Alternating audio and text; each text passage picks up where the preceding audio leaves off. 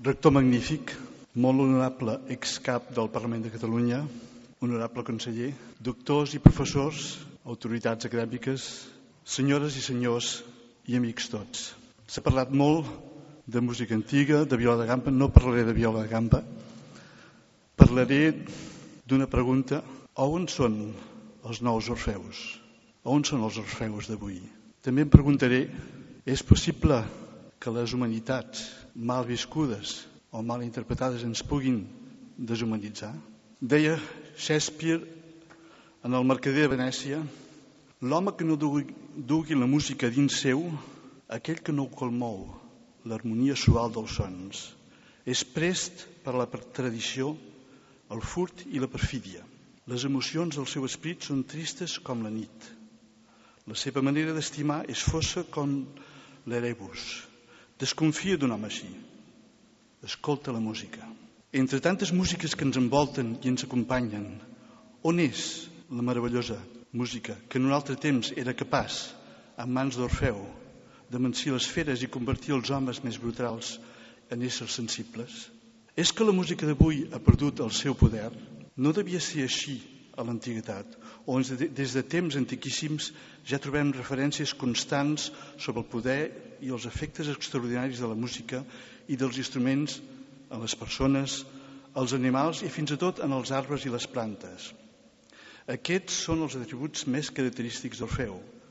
I és justament gràcies a les seves habilitats i poders com a músic que el seu mite esdevé un dels més obscurs i més ple de simbolisme de tota la mitologia helènica. El mite d'Orfeu es va desenvolupar fins a esdevenir una veritable teologia entorn de la qual existia una abundant literatura en gran part de caràcter esotèric. Orfeu és el músic per excel·lència.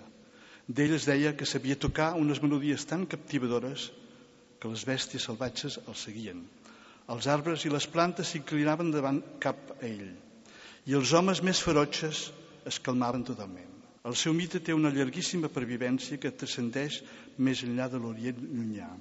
És justament d'aquest Orient llunyà que ens arriben els primers instruments musicals i especialment els d'arc. Desconeguts en l'antiguitat i encara al començament de l'edat mitjana, sembla evident que una de les hipòtesis més probables és la que suposa que la tècnica de l'art s'hagués desenvolupat a poc a poc a Europa a partir de les influències de músics provinents de països àrabo-islàmics.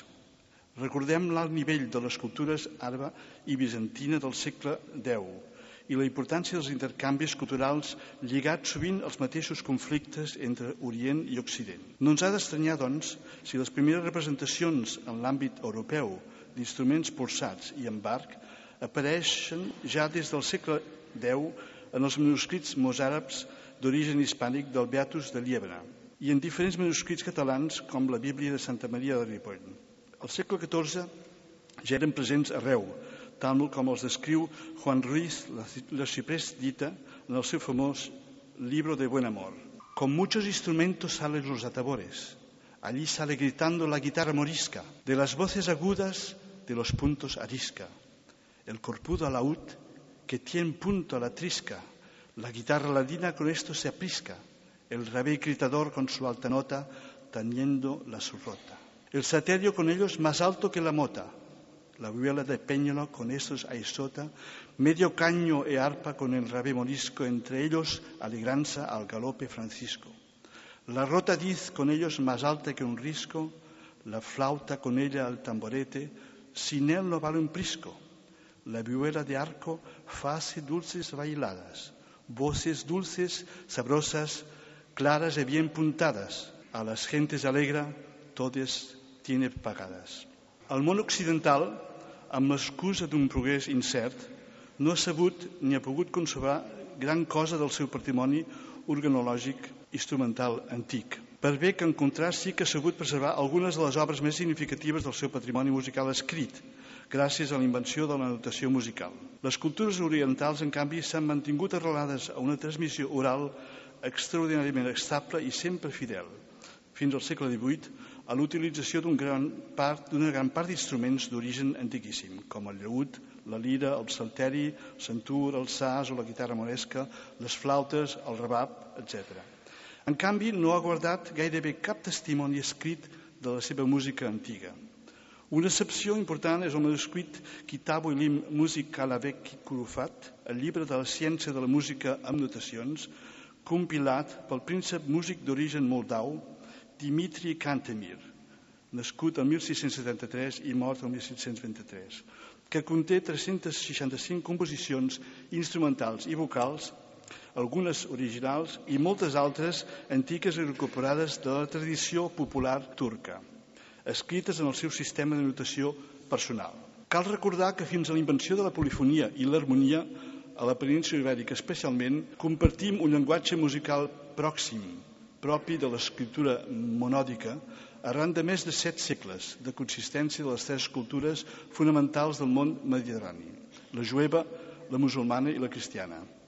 Aquest espai geogràfic que la nostra cultura ha ocupat al llarg de tants d'aquests segles ha inclòs al seu de dins gent diversa amb gran varietat d'altres formes culturals i religioses. Però també durant l'edat mitjana, que va ser com l'actual, una època d'odis religiosos i d'incomprensió, el paradís que hauria pogut ser, el de l'espèria de les tres cultures, es va anar degradant. Però tot i la intolerància i les crueltats, àrabs i jueus habitaven entre nosaltres, vivien com nosaltres, eren nosaltres. A finals del segle XV, després de la conquesta de Granada, foren expulsats o convertits per decret i la seva marxa significà la fi d'una època, la pèrdua d'un paradís possible. Els textos ho denuncien, les músiques ho ploren, la memòria ho il·lumina i la nostra consciència ho dignifica. És per això que sempre hem volgut canviar les fonts, combinar les fonts històriques i les musicals. D'aquesta combinació neix una visió renovadora en què la bellesa i l'emoció de la música poden establir un expressiu diàleg amb els textos essencials del passat, per molt convulsos que hagin pogut ser aquells temps. La música històrica ens permet atensar-nos amb una emoció intensa als textos poètics i a les cròniques que mostren l'extrema ambivalència d'èpoques a la vegada convulses i molt creatives, que no obstant les seves nombroses ombres també van destacar per un floureiximent espectacular de les arts i dintre d'elles especialment la música. La música és la veritable història vivent de l'humanitat, ens diu Elias Canetti. Confiem en ella sense reserves perquè el que afirma és relatiu als sentiments. El seu fluir és més lliure que qualsevol cosa que sembli humanament possible i aquesta llibertat redimeix. Aquest text, que va ser escrit a Berlín el 1442, forma part dels quaderns editats amb el títol general Province des Menschen. Així nascut el projecte fascinant entorn la idea dels paradisos perduts que publiquem aquests pròxims dies i que mm, retrata el segle de Cristòfor Colom. I és un tema que podem constatar la seva rigorosa actualitat, especialment quan la meravellosa música dels viancets i els romansos d'època s'alterna i s'uneix amb el sentiment dolgut i sincer de les cròniques contemporànies de Des Bernàrdez, els laments sefardites, les descripcions del viatger àrab Ivan Batuta, el diari de navegació de l'almirall, els contundents edictes reials, així com el magistral verb poètic tant de Juan de l'Encina com del granadí Imp Zambrak, sense oblidar el meravellós llegat poètic i filosòfic de les llengües amirindianes. Aquí aprofito per llegir un petit poema nàhuatl sobre la fugacitat universal d'aquella època. El diré traduït en castellà. ¿Acaso de verdad se vive en la tierra? No para siempre en la tierra. Solo un poco aquí. Aunque sea jade, se quiebra. Aunque sea oro, se rompe. Aunque sea plumaje de quetzal, se desgarra. No para siempre en la tierra. Solo un poco aquí. En el precís moment d'escriure aquestes línies, encara amb el record viu dels impressionants textos i les meravelloses músiques d'aquests paradisos perduts que vàrem tinguer la sort d'interpretar el passat 6 de novembre a l'abocador Saló del Tinell, es barregen i es persisteixen al meu pensament les tràgiques imatges de tantes víctimes que cada dia són sacrificades com la recentment assassinada periodista russa Anna Politevskaya. En nom de tota mena de raons polítiques, religioses, econòmiques, ètiques o històriques, sembla que el control del poder tant si és legal com si no, obliga sempre a una lluita despietada en la qual les veus més coratjoses i les persones més desvalgudes són les que paguen el tribut més alt. Més que mai sentim la necessitat de recuperar el meravellós poder de la música, que novament les mans d'Orfeo puguin amansir els homes més ferotges. Però on són aquests nous orfeus, capaços de salvar-nos de l'infern? No serà, doncs, que cada cop més l'ésser humà va perdent aquesta capacitat que esmenta Shakespeare d'escoltar la música? O serà talment com ens advertia Stravinsky a les seves cròniques de ma vie, que potser vivim temps perillosos o les persones es brutalitzen i cada vegada més passives, a poc a poc, perden la seva sensibilitat? Sursaturés de son, blasés sur leurs combinaisons les plus variées, les gens tombent dans une sorte de brutissement qui leur enlève toute capacité de discernement et les rend indifférents. Serà potser que la nostra cultura ha deixat de tenir la força creativa pròpia d'un art realment viu i per això ja no inspira confiança? Com expliquem, si no, el poc espai que es deixa a la cultura a la resolució dels conflictes actuals? Diu George Steiner en el seu llibre La cultura contra l'home, la nostra cultura és una cultura morta, empesa sempre vers l'erudició. Ara és sempre a l'abast gràcies als ordinadors que ens permeten de saber-ho tot, d'emmagatzemar-ho tot. La nostra cultura s'ha convertit en una cosa morta en la vida veritable dels homes, una cosa morta per llurs necessitats més immediates, morta ja que és incapaç d'ajudar-los a resoldre llurs problemes. Jo espero que puguem empènyer la darrera porta del castell per així descobrir que s'obre vers unes realitats fora de la convenció i de l'autoritat humanes. En aquesta mateixa línia pessimista o realista ens podem plantejar com va fer una vegada eh, George Steiner en un discurs doctor honoris causa a Salamanca si en realitat les humanitats també poguessin acabar deshumanitzant-nos. Posem el cas d'un professor de literatura que ha passat tot el dia submergit a l'intens i dramàtic univers de Hamlet. Torna a casa seva i només entra al sent al carrer crits d'una dona que demana ajuda. Però ell encara tot immers, absort i fascinat per la dimensió genial poètica de Shakespeare, l'ignora. Car aquesta situació de la vida real al costat del drama sublim de Hamlet la percep com un banal i insignificant. Viatgem ara a la sala Hèrcules de Múnich l'any 1944, on l'extraordinari pianista Walter Gieseking interpreta un recital sublim de músiques de Beethoven, Schubert i Brahms per un públic selecte. Durant tot el concert s'escolten els terribles crits i els laments de l'innombrable columna de deportats que passa davant l'edifici en direcció al camp d'extermini. Però ningú a la sala no reacciona a aquell sofriment i a la crueltat. La música sembla com si protegís i encara distanciés més el públic d'aquella realitat inhumana. Però la música en ella mateixa no és ni bona ni dolenta. Tanmateix, amputada de la seva dimensió espiritual, pot actuar com inhibidora de la nostra sensibilitat més profunda. En cap època de la història de la humanitat no s'havia escoltat tanta música com ara, i tampoc en cap altra època passada la barbàrie havia arribat a extrems tan generalitzats i mediatitzats. Certament i marauladament, les paraules profètiques de Bertolt Brecht l'any 1945 dient aquell que té un somriure als llavis és que encara no s'ha assabentat de les últimes notícies, continuen sent vigents.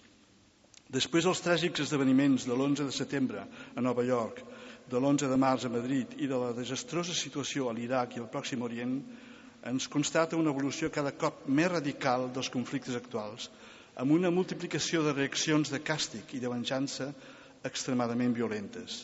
Tot plegat va forjar en un ambient general de creixent inestabilitat, de dubte, d'inseguretat, que poden minar profundament les bases més segures de justícia, de convivència i de llibertat que haurien de caracteritzar els ideals bàsics d'un món civilitzat. Esperem que al mateix temps tot això serveixi de revulsiu capaç de posar en relleu d'una manera molt més evident les greus incoherències d'un món que va a la deriva, perquè la gran majoria dels seus habitants estan condemnats a viure a la misèria extrema, en la ignorància i la por, en l'odi de l'un contra l'altre i en el dogmatisme i fanatisme com a única alternativa a les seves necessitats i esperances. Una civilització que basa la seva estabilitat en el lliure comerç i en el poder dels més adinerats i que no és capaç d'assegurar de manera solidària i per a tots els drets individuals fonamentals no pot trobar mai la pau indispensable per a qualsevol procés d'evolució que ens porti la justícia i el progrés. Una de les característiques fonamentals de tota civilització és la seva capacitat de recordar, ja que sense memòria no es pot construir un futur millor. La música és, per això, l'art de la memòria per excel·lència i la més espiritual de totes les arts i com a tal és el primer llenguatge de l'ésser humà. El nadó que no entén ni parla encara cap llengua, abans de comprendre el sentit de les primeres paraules de la seva mare, percep instantàniament tota la dimensió del seu amor i rep la primera lliçó d'humanitat a través de la tendresa i de la manera de cantar que té la seva mare o el seu pare, de cantar les paraules. Això és possible gràcies a que el so musical és el que ens fa entendre el sentit de les paraules i perquè aquest so té accés directe a l'ànima i immediatament troba en ella una resonància, ja que l'home, com diu Goethe, porta la música en ell mateix. La música viva només existeix a l'instant mateix en què les ondes sonores produïdes per la veu humana o els instruments la concretitzen i és aquesta mateixa limitació que la fa ésser a la vegada la més humana i la més espiritual de totes les arts. La música és, doncs, un dels mitjans d'expressió i de comunicació més universals i la mesura de la seva importància i de la seva significació no es determina mai segons els criteris de l'evolució del llenguatge en el sentit de la història del progrés, sinó a partir del seu grau d'intensitat expressiva, de riquesa interior i d'humanitat. Aquestes evidències són dues de les més significatives conquestes de la filosofia de l'art del passat segle XX, demostrada en la realitat amb la formidable recuperació i la presència a la vida quotidiana de la música d'altres èpoques i també cada vegada més d'altres civilitzacions. En un assaig sobre Carlo Gesualdo, Aldous Huxley evoca justament la tràgica pèrdua de memòria de la consciència musical europea, amnèsia que va perdurar fins a la fi de la Segona Guerra Mundial. Inclús durant els anys 50, el repertori musical d'abans de Monteverdi sepultat sota les diferents capes de modernisme, esperava encara d'ésser descobert. Cal esperar fins l'any 1829, quan un jove director i compositor de 20 anys anomenat Félix Mendelssohn torna a interpretar per primera vegada després de la mort del compositor la passió segons Sant Mateu de Johann Sebastian Bach, per trencar aquest prejudici i iniciar aquesta recuperació històrica que encara continua avui amb més força que mai. A partir de la segona meitat del segle XX es comença a recuperar també les nocions d'estil i de so dels instruments originals i de la manera de cantar, ja que es fa també evident que tota obra d'art és transcendent però mai atemporal, en portar en ella mateixa la marca del seu temps. En aquest canvi de mil·lenni, la pol·lució de tots els sorolls del món s'estén inexorablement i ho cobreix tot. I fins i tot se'ns imposa la música per no tinguer de sentir el silenci. El silenci ha desaparegut, ens cal retrobar-lo, ja que, tal com diu Raimon Pàniker, el silenci és l'únic espai de llibertat i només es fa present en l'instant en què ens situem a la font mateixa de l'ésser. La nostra civilització no el tolera més, potser perquè no podem suportar la solitud, a qualsevol lloc hi ha música. La sentim més o menys vagament, però no l'escoltem. La música s'ha banalitzat. Hem perdut el sentit d'esforç necessari per participar en els rituals sagrats o profans. Amb la simple pressió d'un dit podem crear l'ambient sonor més sofisticat i emportar-nos-el a tot arreu. La gran paradoxa és que cada vegada hi ha menys persones que es poden expressar cantant o tocant un instrument. I encara menys que siguin conscients de la importància fonamental que, té això en el desenvolupament de l'ésser humà. Hi ha tantes músiques extraordinàries, tradicionals, medievals, renaixentistes, barroques, clàssiques, romàntiques, del nostre propi temps, que dormen en els calaixos, en els arxius o en les biblioteques. Tot aquest material, si no es canta ni es toca, no el podem conèixer. Tenim, tenim també tantes músiques enregistrades i que són el formidable testimoni d'un desenvolupament cultural excepcional d'aquests darrers 70 anys. Però la veritable música contemporània és tota la música viva, la que interpreten els músics avui amb independència de l'any de la mort del compositor. La mare que canta una cançó de bressol al seu infant, encara que no sàpiga cantar gaire bé, si ho fa inspirada pel seu amor, esdevé pel seu fill la millor cantant del món. I la seva acció de cantar és llenguatge, igual a comunicació d'uns sentiments. És estètica, projecció de la bellesa. És medicina, relaxació. És educació, contribueix al desenvolupament de l'oïda i la sensibilitat musical del seu fill. Art, ciència, medicina, pregària, màgia o llenguatge, la música és cada una i totes aquestes formes a la vegada. Com la paraula és feta de sons i de silencis, d'esperit i de sensualitat, d'emoció i de bellesa, de melodies i d'harmonies, de ritmes i d'accents, de colors i de resonàncies, d'inflexions i de modulacions. Com tot llenguatge essencial a l'ésser humà, la música és fonamentalment un mitjà de comunicació que podrem posseir plenament si aprenem a utilitzar-lo durant els 10 primers anys de la nostra vida. Passats aquests 10 o 12 anys, si no hem cantat ni fet música per nosaltres mateixos, perdrem per sempre més la capacitat d'ésser sensibles a l'expressió musical. És per tot això que és indispensable que tot infant pugui accedir a una educació musical creativa, ja que solament la pràctica d'una activitat musical al costat de les altres disciplines artístiques com la pintura, l'escultura, la dansa, la literatura, la poesia, el teatre i, tant, i d'altres, pot estructurar la personalitat dels joves ciutadans en el sentit d'una obertura d'esperit, del respecte als altres i del desig de pau. Aquest ofici de músic, de músics, que ens obliga a viatjar constantment a ciutats i països llunyans, ens permet constatar que tot arreu, incloent els països més conflictius, hi ha una profunda set de participació a la bellesa i a l'espiritualitat de l'art. Per tot això, estem convençuts de la responsabilitat i la força que tots i cadascun de nosaltres podem tenir a fi de contribuir a través de l'ensenyament a retrobar i renovar aquest esprit humanista tan essencial de la nostra civilització, enriquint-lo amb les aportacions de les altres civilitzacions més llunyanes. És veritablement la cultura, entesa en tota la seva dimensió estètica, espiritual i universal, la que ens permet a cadascú de nosaltres de revitalitzar-nos en el passat per millor participar en la creació d'un futur més just i més humà. Podria dir també moltes gràcies per la meva investidura com a doctor en causa. És per mi un gran honor, una gran satisfacció que vull compartir profundament amb la meva esposa, la Montserrat Figueres, i amb els meus fills, la Diana i el Ferran. I amb tots els músics també que des de fa més de 30 anys m'acompanyen, ens acompanyen fidelment en aquesta meravellosa tasta que és fer reviure cada dia unes músiques d'uns compositors moltes vegades oblidats i que es mereixen ser reconeguts. Moltes gràcies.